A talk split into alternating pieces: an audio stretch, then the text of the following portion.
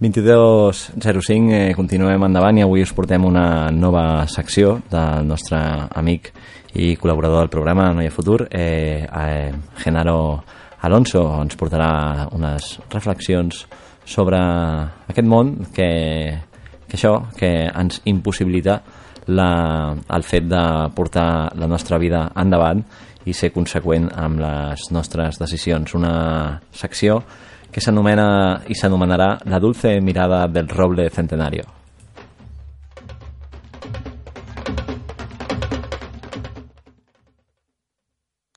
Falsedad virtual. Voy a intentar hablar sobre algo que todos ya sabemos, pero que no hemos interiorizado. Creo que vivimos sin estar de acorde con lo que más o menos ya sabemos. Los medios de comunicación masivos, radios, periódicos, televisión del gran tirada del planeta, están en manos de la élite financiera. A la élite financiera globalizada procuro no tenerle un cariño especial ni diferente al que le tengo al aire que entra por mi ventana. Solo hablo de cosas que pasan. Tanto el aire como las doscientas familias están ahí porque ocupan un lugar necesario. Durante un tiempo las familias más ricas del mundo mantenían oculto su estrecho vínculo con las presidencias y direcciones de los más importantes medios informativos del globo de entonces.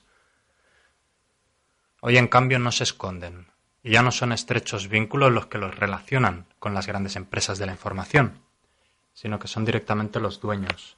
Esto significa ser los dueños de la voz y opinión públicas, tener el control del pensamiento y de la cultura. Esto es sabido hoy gracias al trabajo de personas que estudian a fondo los organigramas de estas empresas y buscan detrás de sociedades anónimas y multinacionales accionistas a las personas reales con poder al cargo. Ver en Internet el artículo Los dueños de la información, de la mirada del mendigo. la élite financiera mundializada intenta vender una realidad inventada que poco o nada tiene que ver con lo que vivimos. Por si esto no fuera poco, encima de que la élite financiera vende a través de los más media una realidad inventada con piel de real, a la vez nos convence, nos hipnotiza, con mensajes que son de su interés difundir entre nosotros el 99%. Hasta el más inocente de los programas de televisión o radio, o el más intranscendente de los artículos de prensa, transmite el mensaje hipnótico. La sección de deportes es en sí misma puro mensaje hipnotizador. La esencia del mensaje hipnótico que los medios de comunicación masivos transmiten todos los días a todas horas, eso sí de forma velada, se resume en dos puntos. El estado actual de las cosas, con sus defectos, es el mejor que hemos tenido nunca. Segundo, no se puede cambiar nada.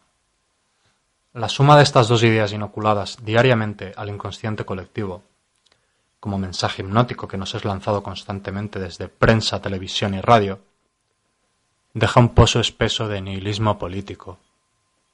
Deja un resto de zumbido que nos repite en la oreja. Mejor déjalo. Es muy complicado y no se puede hacer nada. El mensaje hipnótico nos provoca, al consumirlo sin receta ni prescripción, un desencanto general, un hastío apático de zombi hipnotizado que duerme.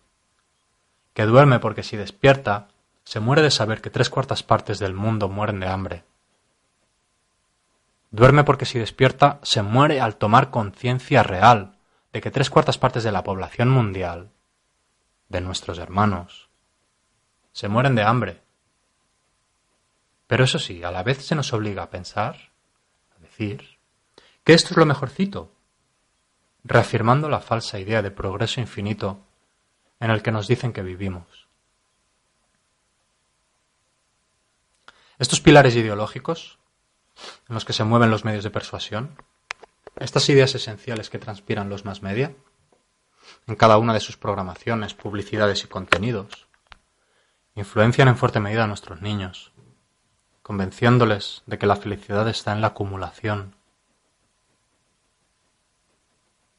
Estas ideas no son pronunciadas de manera directa, sino que están a la base de su producción, y por tanto se entremezclan veladamente en las palabras y actos, influyen en la manera de articular el discurso, en la manera de ordenar y seleccionar las noticias y anuncios para dar a entender constantemente dichos puntos básicos que vertebran el mensaje de los más media. El primer punto, el estado actual de las cosas es el mejor que hemos tenido nunca, se ha instalado en el pensamiento colectivo, gracias en buena medida que pasa lo siguiente. Nos dicen que vivimos en un sistema llamado del bienestar, porque así logran que pensemos semejante mentira. Nos dicen que nuestro sistema político es la democracia, poder del pueblo, cuando nada es más opuesto a la democracia que lo que estamos viviendo en todos los países del mundo. Nos dicen que los avances en todo tipo de campos de investigación científica se suceden diariamente, cuando en realidad solo sirven para el beneficio privado de muy pocos. A grosso modo, el primer punto se resume en... Eh, sí, vale, hay recortes. Pero todo este tinglado era muy, muy chachi. Y si hay algún recortillo por aquí o por allá, no os podéis quejar. Esto es lo que los más media nos han enseñado a pensar.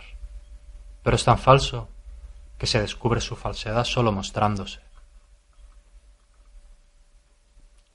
Para que una nueva dirección sea tomada por un grupo humano, hace falta que un número suficiente de individuos de ese grupo así lo deseen. Y al revés igual. Mientras un número suficiente de individuos de un grupo piensen que no se puede hacer nada, no será posible que el grupo tome la nueva dirección que se impone como necesaria. Por eso se nos manda el mensaje, no se puede cambiar nada, no se puede cambiar nada. Por eso la oligarquía invierte lo que haga falta y más en medios de persuasión, porque conoce bien esta manera de funcionar de las masas. Ortega dijo, cien años más de prensa y las palabras no querrán decir nada. Yo solo añado que cien días sin prensa, radio y televisión, y la oligarquía planetaria pierde el control del expolio masivo de la riqueza de los estados que están llevando a cabo en el planeta entero sin resistencia apenas alguna. Porque no tendríamos controlado el pensamiento, porque nuestras conversaciones no estarían pilotadas por los temas que tratan los rotativos, porque nuestra fuerza de existir no estaría mermada por la derrota en semifinales de nuestro equipo de volei playa. Si fuéramos más conscientes del mensaje hipnotizador y las repercusiones que éste tiene sobre nuestra fuerza como colectivo, sobre nuestra fuerza de respuesta como gran masa oprimida, adoptaríamos una posición mucho más de vigilancia, adoptaríamos un consumo más medido, una escucha más crítica al consumir cualquier canal masivo de comunicación. Todas somos importantes para el desafío que la, que la historia nos impone en nuestros días. No hi ha futur. No